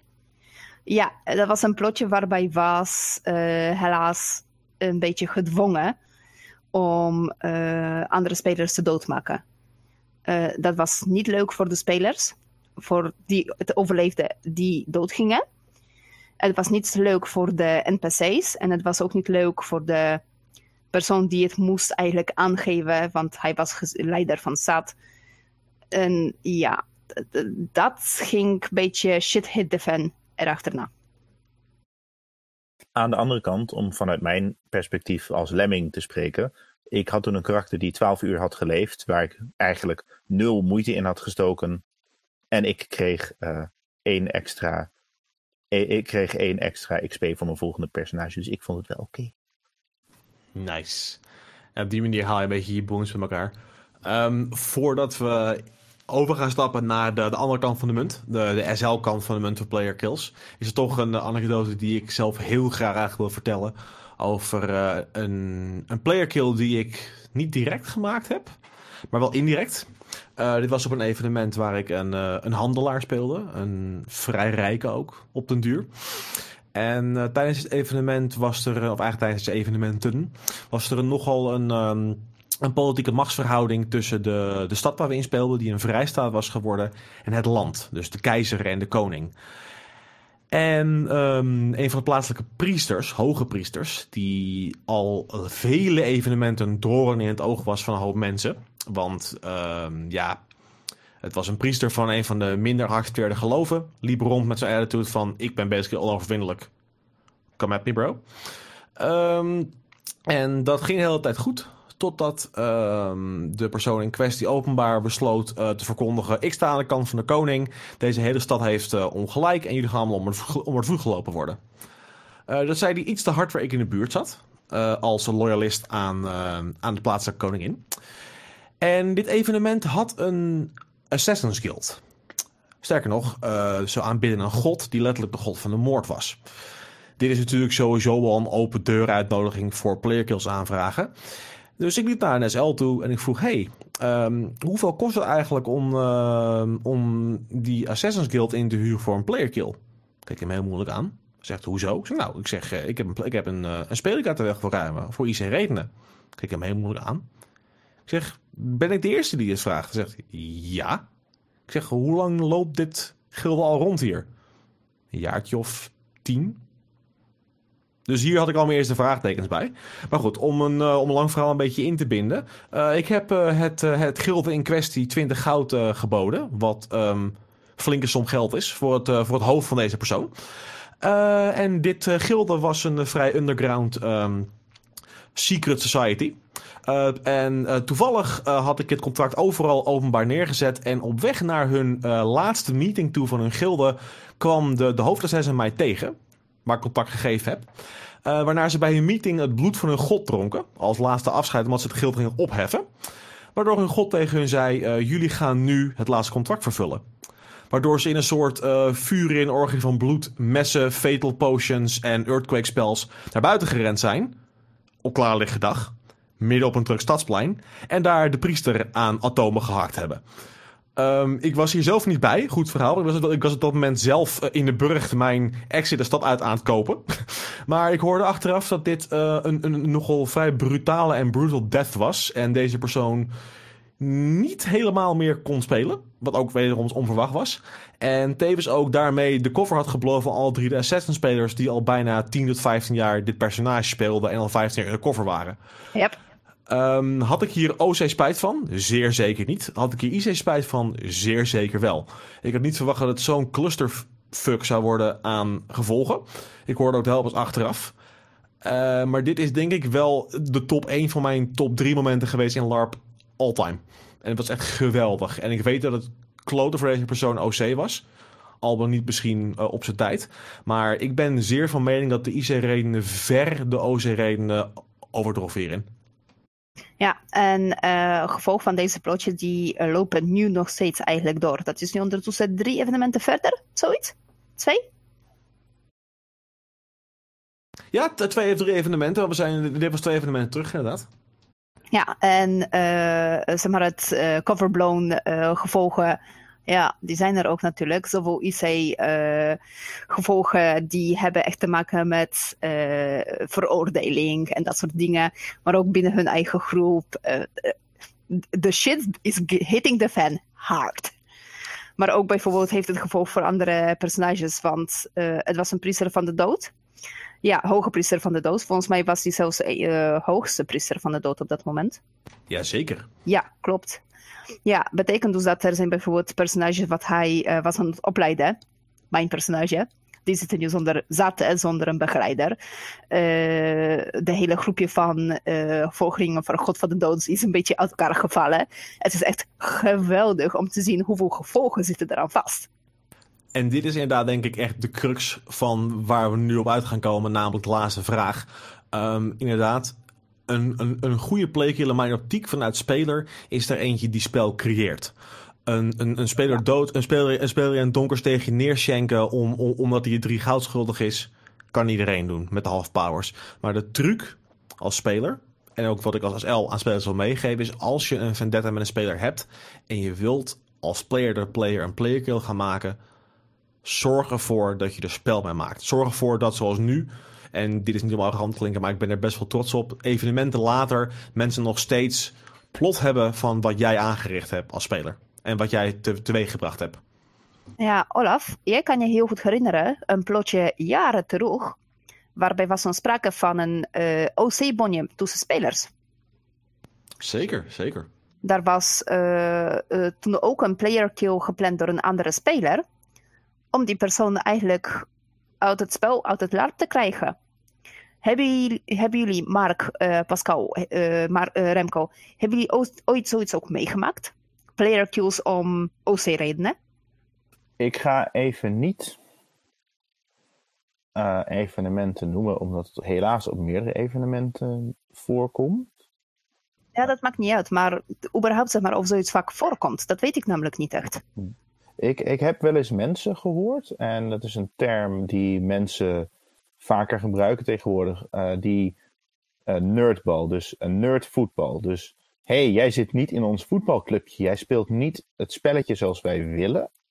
Dus gaan we je in het spelletje omleggen of niet meespelen. En persoonlijk vind ik dat heel jammer. En ik probeer dat dan ook nooit te doen, dat is op die manier. Mm -hmm. uh, komt helaas wel voor. En ik denk inderdaad wat Olaf zegt, van probeer uh, met je spel en met je player kills. Uh, ik, ik, heb de player kills zijn een van de weinige dingen waarop ik de, wat, wat Mark ook al zei, de, de metagame goggles even opzet. Um, dus ook in het voorbeeld wat ik noemde, het heb ik bewust gekozen voor een voorbeeld wat spel maakte. In plaats van de logische, ah, ik ga ergens waar niemand dit ooit achter gaat komen dat het is gebeurd doen. Want dan is er geen spel mee. En uh, ik weet niet meer wie dat was, maar die zei laatst van, als je gaat larpen en je doet iets waar niemand behalve jouw personage ooit achterkomt, dan kan je net zo goed in je achtertuin dat gaan larpen, want dan is dat effectief met wie je met deze informatie speelt op dat moment. En dus daarom ook met, met player kills denk ik, uh, is het eigenlijk juist leuk om ja, om, om zeg maar, ja, een, een uh, ik denk om, om, om, om het juist per ongeluk uit te laten komen. Beetje net als met LARP, geheimen, zorg dat je het per ongeluk één keertje ergens eruit vloept. Um, dat vind ik zelf leuker dan wanneer niemand er ooit achter komt en je hebt de perfect crime, zodat ook OC alleen jij weet dat het is gebeurd. Behalve die andere speler. Ja, ik, um, ik, ik zit een beetje op mijn nagels te knagen, want het is een beetje net als met... Uh, je merkte dat, wat je Kotka zei, je moet trouw zijn in je karakter. Als ik IC een reden heb om iemand de grond in te stompen, dan doe ik dat. Maar uh, Remco zegt, ja weet je, ik, misschien is het wel helemaal niet nodig. Misschien vindt die speler van het karakter dat wel helemaal niet leuk. Um, dus, dus, er zijn best wel dingen die jullie aanhalen, zoals dat bord met die namen erop. Van, nee, ja, ik kom toch niet naar LARP toe om doodgeslagen te worden. Dat is voor mij als speler, moet dat toch niet de, uh, de bedoeling zijn. Weet je? Ik wil een verhaal beleven, het moet spannend zijn.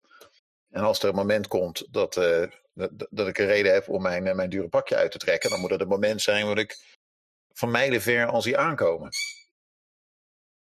Um, dus ik, het, ik zit eigenlijk af te gaan, weet je, zit er ergens een modus in? Zit er ergens een, is een uh, wat, wat, maakt een goede player kill? Wanneer is het leuk voor alle betrokkenen?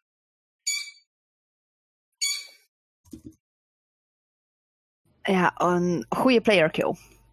Dat is best wel lastig, want uh, laat me zo zeggen, in mijn beleving, geen enkele player kill is goed. Maar dat is zonde uh, van verhaal wat mensen hebben voor gewerkt. Uh, de speler, de, personage, pakje, noem maar op. Alleen dat bord met namen in het NPC-hok, dat had een reden. Dus het kwam niet zomaar. De reden daarvoor was volledig plotgerelateerd. En let's face it, wanneer je gaat tegen de grote, eh, de big bad guy, zeggen: hey, ik ga lekker niet doen wat jij wil, uh, huppel op, ik ga iets anders doen. Ja, kom op. Je weet wel dat je gaat gewoon vijanden mee creëren. Je weet dat je gaat gevolgen hieraan hebben. En de is toch een zwaktebod van de, van de spelleiding als ze zeggen: we gaan ze nu doodmaken. Het is toch wat, wat Remco ook beschrijft. Je kan honderdduizend dingen met het karakter doen die spelbevorderend zijn. Die het karakter eh, ook in leven laten. Honderdduizend dingen die leuker zijn dan uh, tien namen op een bord en jongens zorg dat ze doodgaan dit weekend. Ja, maar dat was niet het geval. Het, het punt was: dit is onze Deadpool deze personages moeten aangepakt worden. Als ze doodgaan, dan moet er reden voor zijn, maar die reden hebben ze eigenlijk al opgebouwd. Die personages specifiek werden eigenlijk, daar, daar werd op gejaagd vanuit die big bad guys. Die hadden gewoon zo'n grote ding geflikt. Ze hebben iets gestolen, wat was waardevol voor die groep. Ze hebben een speciale wapen meegenomen, waarvan ze wisten dat die groep van de big bad guys naar op zoek was. En de spelers kregen twee evenementen lang de kans om dat wapen af te geven zonder gevolgen. Dat was de eerste keer. De tweede keer was het, als, je, als het wordt niet afgegeven, mind you, ik zat toen als NPC bij die specifieke groep, die kwam dat ook aanbrengen. Het tweede evenement was het van, hey, jullie krijgen nu de laatste kans, want anders, dit gaat gevolgen hebben, dit gaat jullie pakken. Dus ja, derde evenement nog steeds niks. Ja, sorry. Gevolgen. Uh, hier wil ik wel even op, op inhaken, Kolka, want ik was speler op dat evenement. Ik ben erbij geweest. Uh, Mark, uh, ik, ik ben het deels met Kotka eens, want je kunt spelers ook maar zoveel keer waarschuwen dat als jij deze lijn van dingen doorzet, dat je daar ook een keer stuk aan gaat. Ik heb, uh, als, als de grote schurk tegenover jou zegt, jij geeft mij dit wapen of ik maak je stuk. En als jij dan zegt, dan komt hij het maar halen. Letterlijk. Letterlijk.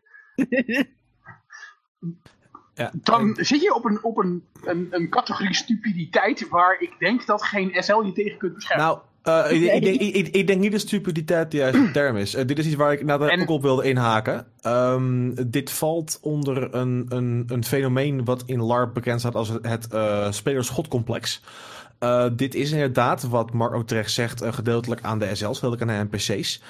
Um, een een LARP-personage is, zoals ik al zei, een alter ego. Maar ook een alter ego, wat er heel erg aangegeven wordt, is, uh, heeft acties. En die acties hebben gevolgen. Als jij inderdaad als speler in de voortuin van de Demon Lord gaat plassen en zeggen: haha, ha, ha, je bent stom. Dan zitten daar gevolgen aan vast. En op het moment dat jij als SL dan niet, of als organisatie, uh, dan, dan, en dit is misschien een verkeerd term, maar over je heen laat lopen. Dus daar niets op in gaat doen. Dan geef je de spelers ook een klein, niet altijd hè, laat ik het zeggen, dit is geen generalisatie. Maar kun je de spelers de, de intentie geven van, oh, we kunnen eigenlijk zeggen en doen wat we willen, want we zitten toch geen gevolgen aan vast. En dat geeft als gevolg dat spelers steeds zelfverzekerder en eigenlijk arroganter gaan worden naar het plot toe. Waardoor je als SL steeds grotere wapens en steeds grotere bad guys moet gaan uit de kast halen. Om nog een indruk te maken. En dat kan heel gauw een powercreep tot gevolg hebben. Op een gegeven moment dat ik met goden moet gaan gooien. Om spelers nog te intimideren. Ja, dat is, dat is bij deze LARP, want we hebben het hier over Boeia niet helemaal het geval. Het punt bij Boeia is uh, dat je gewoon domweg te maken hebt op een vrij regelmatige basis met entiteiten die zoveel malen sterker zijn dan jij. En daar ben je je van bewust als het goed is dat je gewoon heel voorzichtig moet zijn tegen wiens schenen je schopt. Uh, daarnaast, uh, uh, deze twee spelers, mm, ik, ik, eigenlijk had ik gewild, want dit was vrij kort na mijn player kill op Remco, dat ik de ballen gehad had om te doen wat ik eigenlijk wilde doen. Dat was namelijk deze twee spelers persoonlijk zelf afmaken. En hun hoofden aanbieden, zo van, mijn excuses, hier heb je ze. Ja. Dat, uh, Want hier uh, staat de speler, hier, hier, hier, dit accepteren wij niet. Uh, dat had namelijk een hele hoop gedonder voor de rest van de spelersgroep gescheeld. Wat we daarna over ons heen gekregen hebben nadat de twee bewuste spelers niet meer zijn opkomen dagen. Ja, zeg maar Want die hebben de, het overleefd. de, de echo van de, eh, zeg maar, dat NPC's eh, in hun rolletjes hoorden dat soort dingen. Ja, de NPC's hadden echt zo van, hey, ze overwegen gewoon serieus elkaar af te maken om ons, om het om ons te opofferen. Guys, hier moeten we iets doen. Dus dat was ook juist een eh, gevolg van eh, dat de NPC's kregen toen te horen van, joh, eh, ga erheen met een nog een aanbod voor het beter oplossen potentieel. Dus dat plotje en de reacties van spelers en NPC's en de cells, was wauw. Over, over speler godcomplex wil ik trouwens eventjes wel een dingetje gezegd hebben. Ehm, een godcomplex hoef je niet te hebben door powers verkregen door middel van 20 miljoen jaar spelen. Dat lijken sommige mensen wel te denken. Als ervaringsdeskundige van level 1 poppetjes, dat kan. Je moet alleen ontzettend hard op de lijn gaan dansen waarin je help je poppetje zit. Alleen als je een goed verhaal hebt, merk ik, heel veel spelleiding gaat erin mee. En heel veel spelers gaan daarin mee. En ja, dat, dat is toch eigenlijk wel voor mij, denk ik, voor eh, speler doden, deaths, het belangrijkste. Was het een goed verhaal voor mij? Van, ik heb ook wel eens ergens gehad dat ik gewoon letterlijk over, overwalst ben door een, een aantal NPC's en sip in een hoekje dood ben gegaan. Maar het was een fucking, het was echt een supergoed verhaal. Want, ehm, want dit was een karakter die volgde eh, de bloedgod. En zijn laatste woorden waren bloed voor de bloedgod. En toen rende hij alleen de linie in, terwijl hij keek naar de heidenen om zich heen die laffe sukkels zijn. Dus ja, dat was een goed verhaal. Een suffe dood, maar goed verhaal. En dat, dat is voor mij ook bij player kills en player deaths. Is het een goed verhaal, ja of nee? Dat is eigenlijk voor mij gewoon het belangrijkste. En ik denk dat we ook daarmee, denk ik, de belangrijkste tip hebben, Remco, die jij misschien aan de spelers kan meegeven, of de luisteraars in het algemeen. Het gaat om het verhaal. Een goed verhaal. Het is, eh LARPen is en blijft een vorm van verhaal vertellen. En inderdaad, ook bij player kills en bij player deaths gaat het erom, is het verhaal bevorderend of niet? Eh, Remco, heel erg bedankt voor je tijd. Het was super leuk om je hier te hebben. Eh, ja, het was eh, het, doodleuk. Oh, de fun. Oh, de fun. Daar krijg je een chocolaatje voor van me hoor. Volgende keer dat Daar, ik je daar pak ik je nog een keer voor, Remco. Volgende ja, we zien je wel bekomen de LARP, Remco. Ehm, heel erg bedankt. Dat, ja. En hopelijk ga jij nog heel veel jaren en heel veel personages tegemoet aan LARP en avonturen. En heel erg bedankt voor je komst. Voordat we de podcast van deze avond gaan afsluiten, nog even een kleine boodschap. Deze podcast staat en valt natuurlijk met jullie, de luisteraars. Dus als je nou mooie verhalen voor ons hebt, of tips, of zelfs leuke onderwerpen, stuur ze dan naar ons toe via onze Facebookpagina van Hello LARP of per e-mail. En wie weet, zien we dan jou in de nabije toekomst wel terug in een aflevering met jouw woorden of ideeën, of zelfs wel misschien als gastspreker. Wil je nu dat in de toekomst deze podcast blijven staan en beter wordt? Denk er dan bijvoorbeeld eens aan om een donatie aan ons te doen. Ook hiervoor kun je terecht op onze Facebookpagina. Of om patron te worden via hellolarp.nl. Met al 1 dollar per maand, 1 dollar, help je ons al enorm. En voor 5 dollar per maand krijg je eerder toegang tot alle afleveringen die we hebben. Kun je een kijkje nemen in de notities van de afleveringen. En kun je ook nog eens stemmen op toekomstige afleveringen. Nou, dat is het geld meer dan waard. Als je echt niks kunt missen, kun je ons nog steeds helpen door over onze podcast te vertellen aan iedereen in je buurt die larpt. Of die niet larpt. Ik bedoel, weet je, bind ze vast. Zet ze koppelefoon op hun hoofd. Weet je, het kan alleen maar goed aflopen. Wederom, heel erg bedankt voor het luisteren en tot volgende week.